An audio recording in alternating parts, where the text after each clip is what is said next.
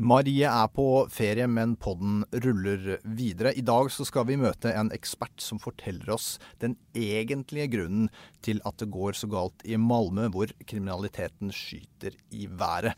Og vi skal få inn en helt fersk meningsmåling som viser et Senterparti som vokser like vilt som kornhøsten. I think it's a disgrace. Jeg syns det blir litt spesielt. At Dagbladet driver med Donald Duck-journalistikk, det kjenner vi alle til. Men dette holder ikke. Du snakker jo bare visvask av arbeidslivet. Helt useriøst. You are fake news. Go ahead.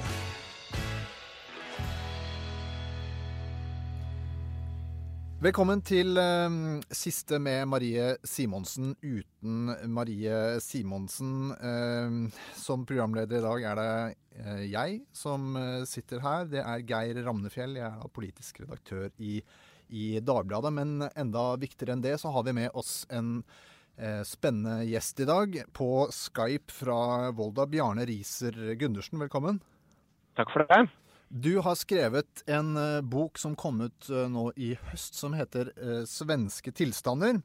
Um, en reise til et fremmed land. Og at dette siste, denne undertittelen, 'Et fremmed land', det er jo det vi skal utforske litt i denne episoden. For å prøve å forklare litt, eller forstå hva som er det som skjer i, i, i Sverige nå. Vi tar utgangspunkt selvfølgelig i nyhetsbildet den siste den, eh, den siste tida med eh, denne 15-åringen som, som ble drept i, eh, i Malmö, og stadige nyhetshendelser om, om et, et kriminalitetsbilde som, som løper løpsk, og hvor Sverigedemokraterna da før helgen ble målt til å være Sveriges største parti. Og også noe som jeg har lagt merke til, som er jo eh, eh, rart, men også veldig urovekkende, at det, det foretrukne eh, våpenet som da gjengene i Sverige bruker, det er da sprengmedel, som de kaller det. Altså, altså bomber, rett og slett.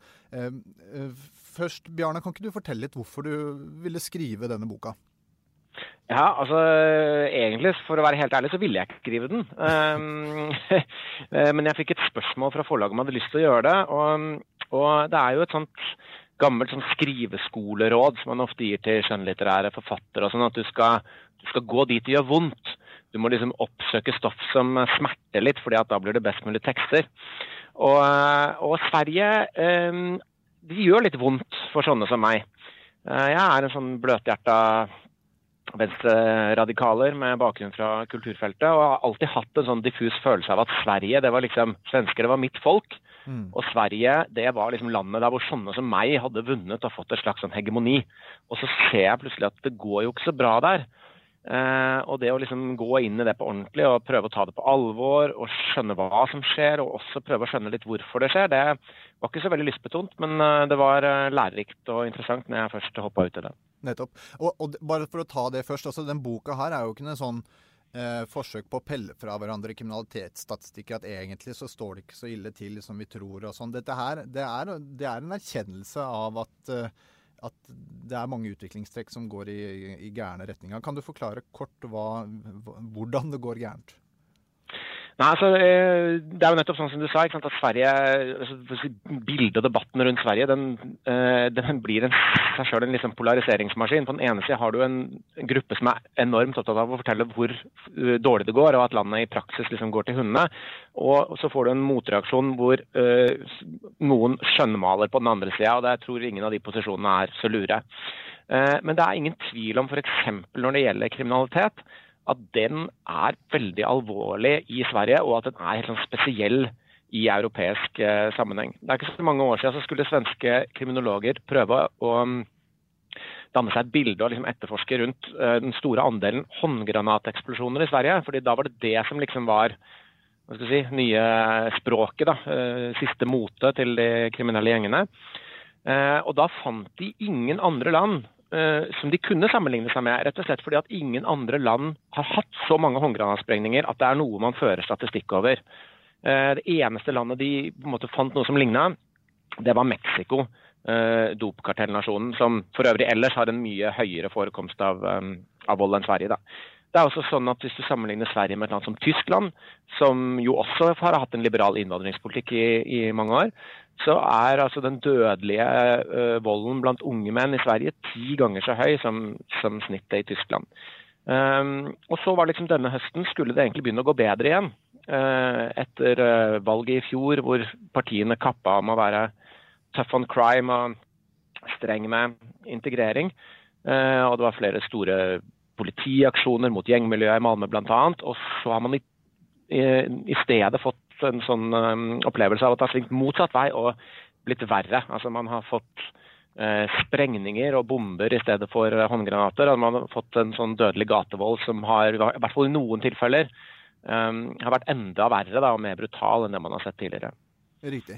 Og, og eh, og det som er interessant med, med, boka di da, eller prosjektet i, i boka di da, det, da må vi hente fram igjen undertittelen. Altså det en, en, en reise til et, til et, fremmed land. Altså vi, vi, tror vi forstår hva Sverige er, og hva det Vi, vi tror vi kjenner det landet, men så, så, er det en rekke særtrekk ved det svenske samfunnet som vi kanskje ikke kjenner så godt, som du mener kan være med på å forklare hvorfor Sverige eh, har havna eh, på et litt dårlig spor.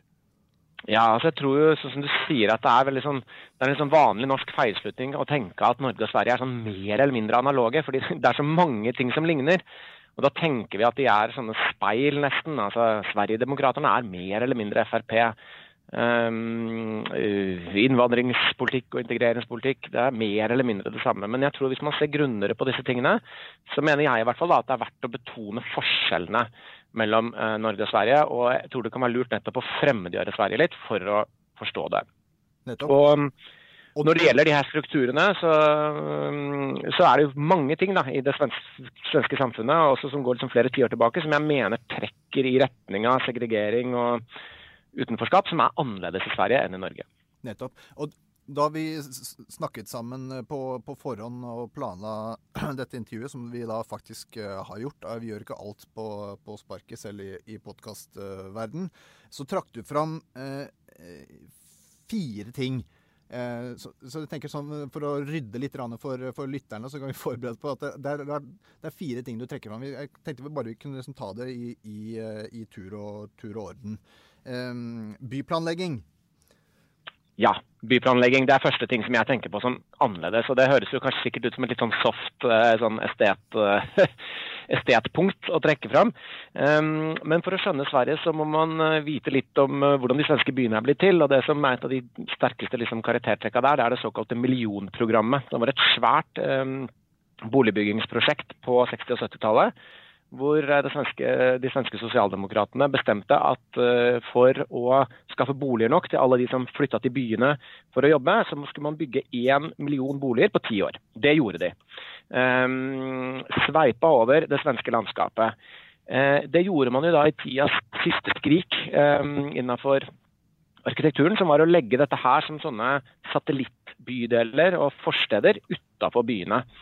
Um, gjerne liksom uh, innhegna av motorveier. altså Sånne litt sånne isolerte univers ut, ute av syne da, for, for liksom byene for øvrig. Og Dette ligner jo på ting vi har noe av i Norge, f.eks. deler av bydelen i Groruddalen i Oslo.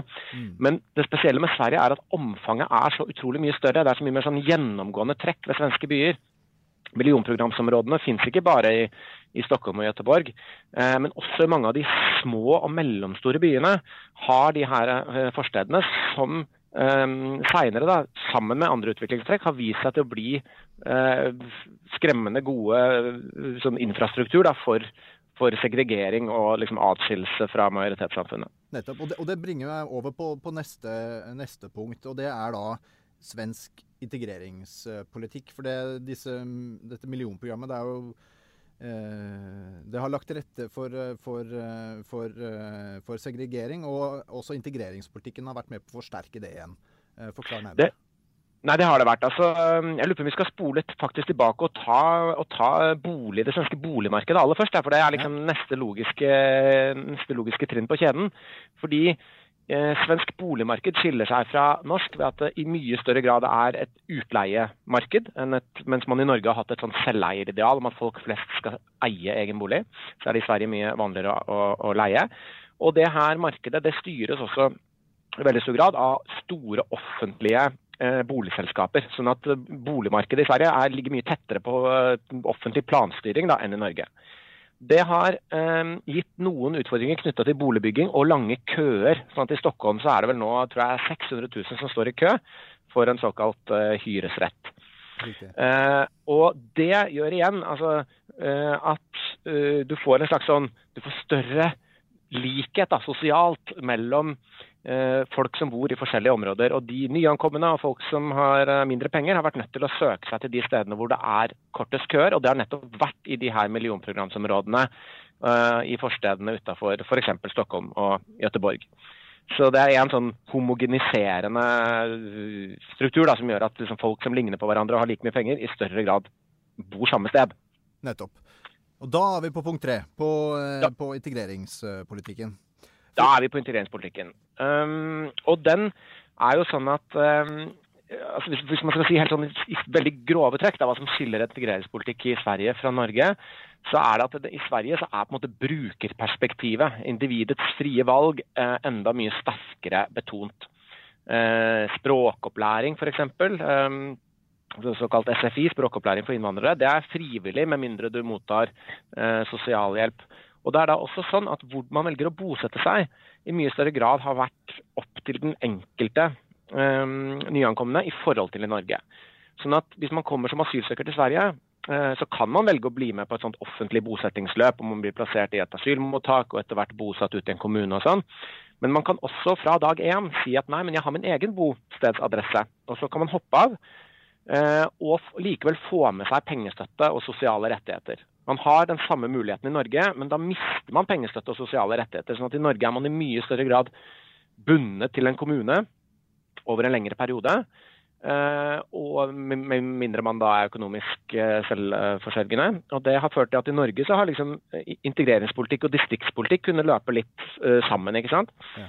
Mens i Sverige så har man i stedet fått en enorm opphoping da, av folk som hopper av dette um, eh, offentlige programmet, og i stedet bosetter seg der hvor de logisk nok har kjente og slektninger eh, og sånn fra før, og som er i de her pressa forstedene som allerede er eh, på mange måter fulle og, og, er i en vanskelig situasjon. Sånn at I Rosengård i Malmö, som er en liten bydel, så er det sånn at man vet ikke egentlig hvor mange som faktisk bor der. og Politiet regner med at det kan være 10 000 flere enn det som er folkebokført. og Man finner iblant uh, treroms leiligheter som har 45 personer innskrevne som beboere og den type ting. Og Det har skapt et sånt veldig ekstra press da, på um, boligområder som fra før er i, i en vanskelig situasjon. Det er øh, en, en, fjerde ting i denne øh, ulykkelige cocktailen som du beskriver. Og Det er eh, svensk utdanningspolitikk, og det er kanskje enda mindre omtalt i Norge enn de eh, foregående tre som du har vært eh, innom. Fortell litt mer om det. Ja, her tenker jeg at Dette er nok dette er liksom min kjepphest, for, for, min del sånn som jeg ser det, det viktigste eh, punktet. Og det er et punkt som jeg med skam å melde jeg må si at jeg visste ingenting om før jeg begynte på boka. Ehm, jeg visste ganske mye om liksom, bilbranner og bandekriger i svenske forsteder. Men jeg visste ikke at Sverige siden starten på 1990-tallet eh, har utvikla et av de mest uh, markedstilpassa skolesystemene i verden. Det er kanskje nå etter Chile, uh, for de lå legge sammen med Chile, men Chile har liksom reversert noen ordninger nå for noen år siden. Og Da er det muligens sånn at Sverige nå har det mest liberale Eh, markedssystemet i verden. De har fritt skolevalg helt ned i grunnskolen. Eh, de har et sånn køsystem som gjør at presset på de mest populære skolene blir opprettholdt over tid, og ikke liksom jevna utover. Hver skoleplass på de private skolene er fullfinansiert fra det offentlige. Og det er ingen begrensninger på eh, utbytte for eierne eller for salg og kjøp av skoler. Og det her har både Moderaterna og også vekslende sosialdemokratiske regjeringer stått bak. Og det har ført til at Eh, siden, siden 1990-tallet. Her ble jo innført da, fordi at man skulle ha pedagogisk mangfold, og man skulle ha alternativ pedagogikk eh, og grendeskoler og den type ting. Men eh, det, det, det har ført til, er framveksten av store sånne utbyttedrevne utdanningskonsern som tar en stadig, stadig større del av denne friskolepotten. Um, og gjør at uh, Ja, altså um, Det er vel 10-15% av grunnskoleelevene som nå går på en, um, en, privat skole, og det er et økende eh, trend. da. Og det her fører til en sånn eh, A- og B-lag hvor i stor grad noen av de private skolene kan liksom skumme de ressurssterke elevene. Og så blir det enda tyngre for de kommunale skolene, og særlig da i de her særskilt utsatte områdene, å drive videre. Nettopp. Det, det, du beskriver til sammen her, er jo en eh, eh ganske sånn tung, institusjonalisert eh, retning som, eh, som, det virker litt vanskelig å komme seg, eh, komme seg ut av. Er det noe tegn til at eh, det svenske samfunnet ser de samme tingene som deg og ser det på samme måte og orienterer seg vekk fra det for å løse problemene? Altså Noen av strukturene her er jo såpass grunnleggende at det er liksom ikke så mye å gjøre med. Millionprogramområdene ligger jo der, og de, det er ikke sikkert at det, det går kanskje an å, å, gjøre ting eh, rundt det. Når det gjelder den EBO-loven, altså loven om eget boende som gjør at uh, asylsøkere kan bosette seg der de vil, så er den i ferd med å avvikles. og Det tror jeg i hvert fall er et uh, skritt i riktig retning. Når det gjelder skole, så er det sånn at den her, det store rommet for friskoler i Sverige det har også da ført til uh, gode vilkår for ulike typer religiøse skoler. og Noen av de har jo også blitt drevet f.eks. av salafistiske konservative krefter innenfor islam. Stor oppmerksomhet rundt. Eh, så der samler de seg nå mot, eh, mot, et forbud. Men akkurat det å debattere liksom, disse store skolekonsernene, det er mye tyngre. Og det føles, eh, sånn som jeg opplever det, så virker det som at det, det føles som å få tanker inn på tuben igjen. Nettopp. Så Der er det på en måte snakk om å bøte på noen av utslagene av denne politikken, men ikke ta et oppgjør med den som sådan. Det er sånn det virker på meg. Og Det var jo sånn, det, det hører jo også med til historien her at det svenske um, helsevesenet er, selv om vi, i Norge også har jo en del private aktører på, innenfor helse og velferd. Noen av de samme som driver i Sverige. Så er den, eh, det markedet enda, det private markedet for helsetjenester i Sverige mye større enn i Norge. Og i fjor, før riksdagsvalget, så kom det opp et forslag um, i Riksdagen om å forby utbytte for velferdsbedrifter, altså selskaper som driver i velferdsbransjen. Uh, og det ble nedstemt, da. Nå har vi hatt en litt annen tilnærming til debatten om, eh, om, eh, om eh, Sverige enn en det vi har kunnet følge i den offentlige debatten, debatten til nå. Men når det, gjelder, eh, når det gjelder, eh, den vanlige kritikken mot Sverige, er jo det at det man kaller liksom som åsiktskorridoren, at muligheten til å diskutere problematiske sider ved det svenske samfunnet har vært smalere i Sverige enn det vi har vært vant til eh, i Norge. Syns du den kritikken har noe ved seg? Og da må jeg si ja og nei. Eh, jeg må ærlig innrømme at jeg gikk inn i dette prosjektet med et slags sånn håp om å kunne avlive den klisjeen. fordi at eh, den er så, den er så, det er en så hyppig brukt fortelling da, om hvordan svensk offentlighet fungerer. Men jeg så nærmere på en del konkrete debatter og ordvekslinger som har vært eh, litt bakover i tid, så er det vanskelig å komme forbi også for meg at det har vært et spesielt klima knytta til diskusjonen særlig rundt innvandring i Sverige. Men jeg mener likevel at den for det første ikke har vært så monolittisk og liksom enerådende som den ofte blir framstilt som. Det har på en måte hele tida vært uh, under- og motstemmer. Og det er også sånn at den mest si, akutte fasen uh, av dette klimaet sånn som jeg ser det, så var det en relativt kort periode fra ca. 2010, da, etter at Sverigedemokraterna kom inn i Riksdagen for første gang og skapte et sånn politisk sjokk i Sverige, ja. og fram til ca. 2014, når flyktningkrisa kom og snudde opp ned på hele det politiske landskapet i Sverige, og også på den offentlige debatten. Så den som i dag fortsetter å snakke om åsiktskorridor, og at man ikke kan diskutere problemer knyttet til innvandring i Sverige, den mener jeg tar på en måte positivt feil, og ikke følger med i hvordan svensk offentlighet i dag er, og hvor mye som er snudd på hodet siden 2014. 2014-2015. Riktig. Eh, med denne podkasten, og selvfølgelig eh, hvis man leser, eh, leser boka, boka, di, så får man et mye breiere og en dypere forståelse av eh, hvorfor det er sprengmiddel i, i, Malmö, og hvorfor kriminaliteten har økt eksplosivt i, i, i nabolandet vårt. Tusen takk skal du ha. Takk for at jeg fikk komme.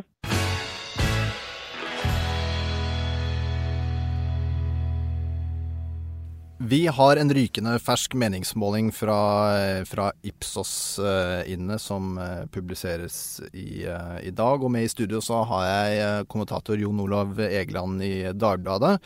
Og Mats Motrøen, som er politisk ansvarlig for politiske målinger i, i Ipsos, som leverer målingene til oss. Så begynner med deg, Mats. Hva er hovedtrekkene? Hva er, de, hva er, de, mest spennende funnene i denne målingen?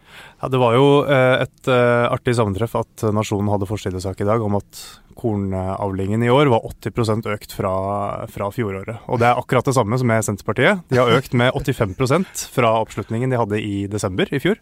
Så da på et år så har de økt fra ja, litt under 10% til da 19,3 er det vel på den målingen nå i år. Nettopp. Så det er jo en helt vanvittig vekst på, på ett år. Ja. Eh, og eh, du skriver også i, i, bakgrunnsanalysen som du eh, lagte lagt ved til oss, at nå har Senterpartiet også tatt ut veldig mye av potensialet sitt. Hva betyr det, eller hva legger du i det? Ja, Vi måler jo eh, i tillegg til hva respondentene ønsker å stemme, så spør vi også da om hva som er andrevalget deres. Og da ser vi at de som har Senterpartiet som andrevalg, um, de er da, det er jo det vi kaller da det potensialet til Senterpartiet. Altså hvor mange de har fått som sier at de skal stemme på dem, og hvem som da også sitter litt på gjerdet, som kanskje er usikker på sitt første valg, og som da eh, kan tenkes å vurdere, vurdere, Senterpartiet. Og den andelen er eh, ganske nærme den andelen de får i oppslutning i dag, så det er ikke så mye, mange flere å hente, ser det ut som. Og det er ofte noe vi har sett som en tendens eh, hos andre partier, at i hvert fall blant de i vekst, at de går opp til dette nivået, og så stabiliserer de seg der, eller så faller de litt ned igjen. Så det er det som blir spennende å se på Senterpartiet nå fremover. Men igjen, de er nå på nesten 20% og så å si jevnstore med, med, både Arbeiderpartiet og Høyre. Og hvis de klarer å ligge på det, så vil det være ganske sensasjonelt. Nettopp. Så kornhøsten kan ikke bli så veldig mye bedre, og det kan heller ikke oppslutningen til Senterpartiet? Det virker ikke sånn, nei. nei. Eh, Jon Olav eh, Egeland, vi skriver på eh, lederplass eh, en artikkel som kommer ut eh, kommer ut nå, som ikke kanskje er uh, ute allerede når dette sendes, at Vedum faller for overmotets rå fristelser. Hva mener vi med det? Det skal veldig god rygg og integritet å stå oppreist i så sterk medvind. Nettopp. Uh, han prøver jo på en måte å fange de politiske vindene, og han lykkes jo ekstremt godt med det, som vi akkurat hørte uh, når det gjelder veksten i oppslutning. Men han er jo også i gang med å justere eh, Senterpartiets profil og politikk for på en måte å, å holde seg i denne posisjonen. Uh, og det ser vi at han uh, særlig f.eks. i, i skatte- og avgiftspolitikken, så legger han partiet veldig tett opp til Fremskrittspartiet. Så tett at Siv Jensen uttaler til Dagbladet at det er på tide at han skifter side. Mm. Vi ser at han også utvider kløften mot miljøpartiene SV og MDG Eh, når det gjelder eh, klimaspørsmål og eh, synet på naturen, altså om man skal bruke den eller bevare den. Mm. Slik at han foretar manøvrer som kanskje er effektive på meningsmålingene, men som ikke nødvendigvis er like effektive hvis han skal gripe den politiske makten sammen med andre. Nettopp. Så, så, så, han stiger på bekostning av muligheten til eh, å forankre et samarbeid med, med de andre på den eh, siden av politikken som han tilhører? Ja, ja, Min vurdering er at han nå bygger, eh, han bygger seg opp, men han bygger også en, en større avstand til de, til de, andre partiene. Og Vi må også være klar over at det er flere her som har ambisjoner i et eventuelt rød-grønt samarbeid. Han kan jo håpe på at Senterpartiet og Arbeiderpartiet blir store nok til å danne regjering alene. Eh, men det er litt sannsynlig, og da må de ha med SV. Og SV er, vet vi, meget eh, ambisiøse på den grønne politikkens vegne. De er under sterkt press fra Miljøpartiet, og er nødt til å få til altså, markante endringer i miljøpolitikken hvis deres regjeringsdeltakelse skal på en måte stå seg i det politiske landskapet. Og Her blir avstanden til Senterpartiet mer og mer problematisk. Mm. Og det, vi har jo sett det, det har vært særlig en diskusjon om avgiftspolitikken eh, til eh, Senterpartiet kontra de andre de siste, den siste uka.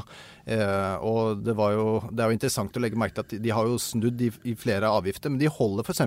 på, på sånn som tobakk og alkohol det skal det fortsatt være økte, økte avgifter på. Så de, er, de, har et litt sånn de har et litt delt forhold til hvordan eh, avgifter kan eh, ramme usosialt, som de kaller det.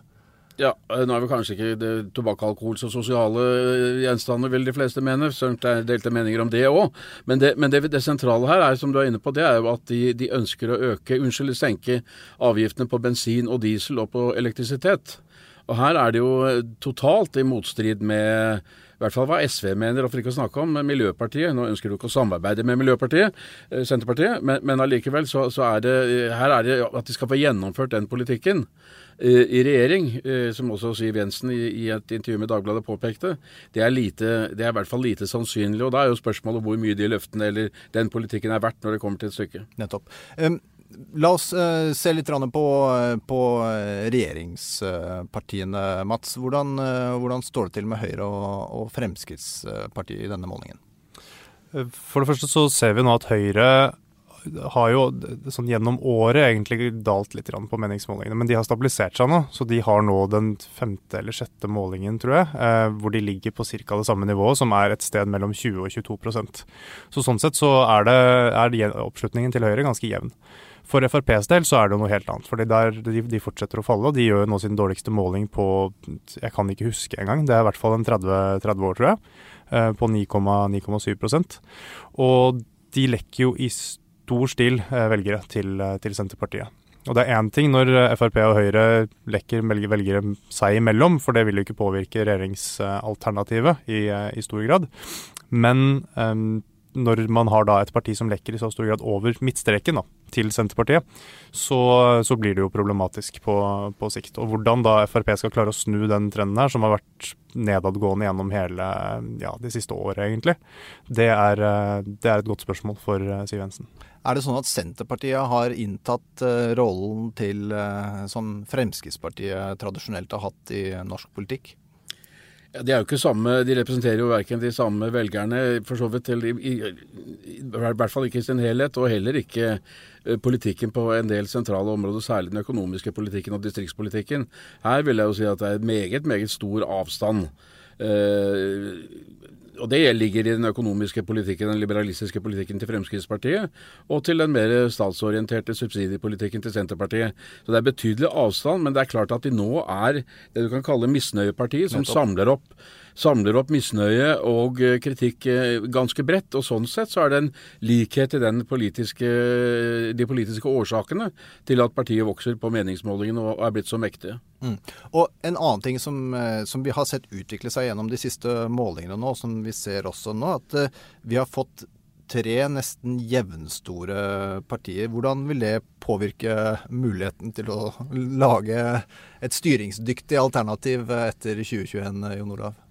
Det er jo et fenomen. Nå ikke, har ikke jeg studert tallene nøye, men jeg tror du må tilbake til 1920-tallet for, for, å finne en situasjon hvor tre partier eh, var like store. Den gang må det ha vært Arbeiderpartiet, Høyre og Venstre.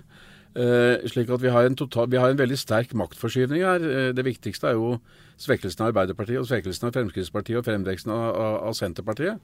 Eh, men det, det, som kanskje er mest markant i et hvert fall historisk perspektiv, og, og kanskje også på lengre sikt, det er jo hvordan det tradisjonelle sentrum er nesten helt utradert.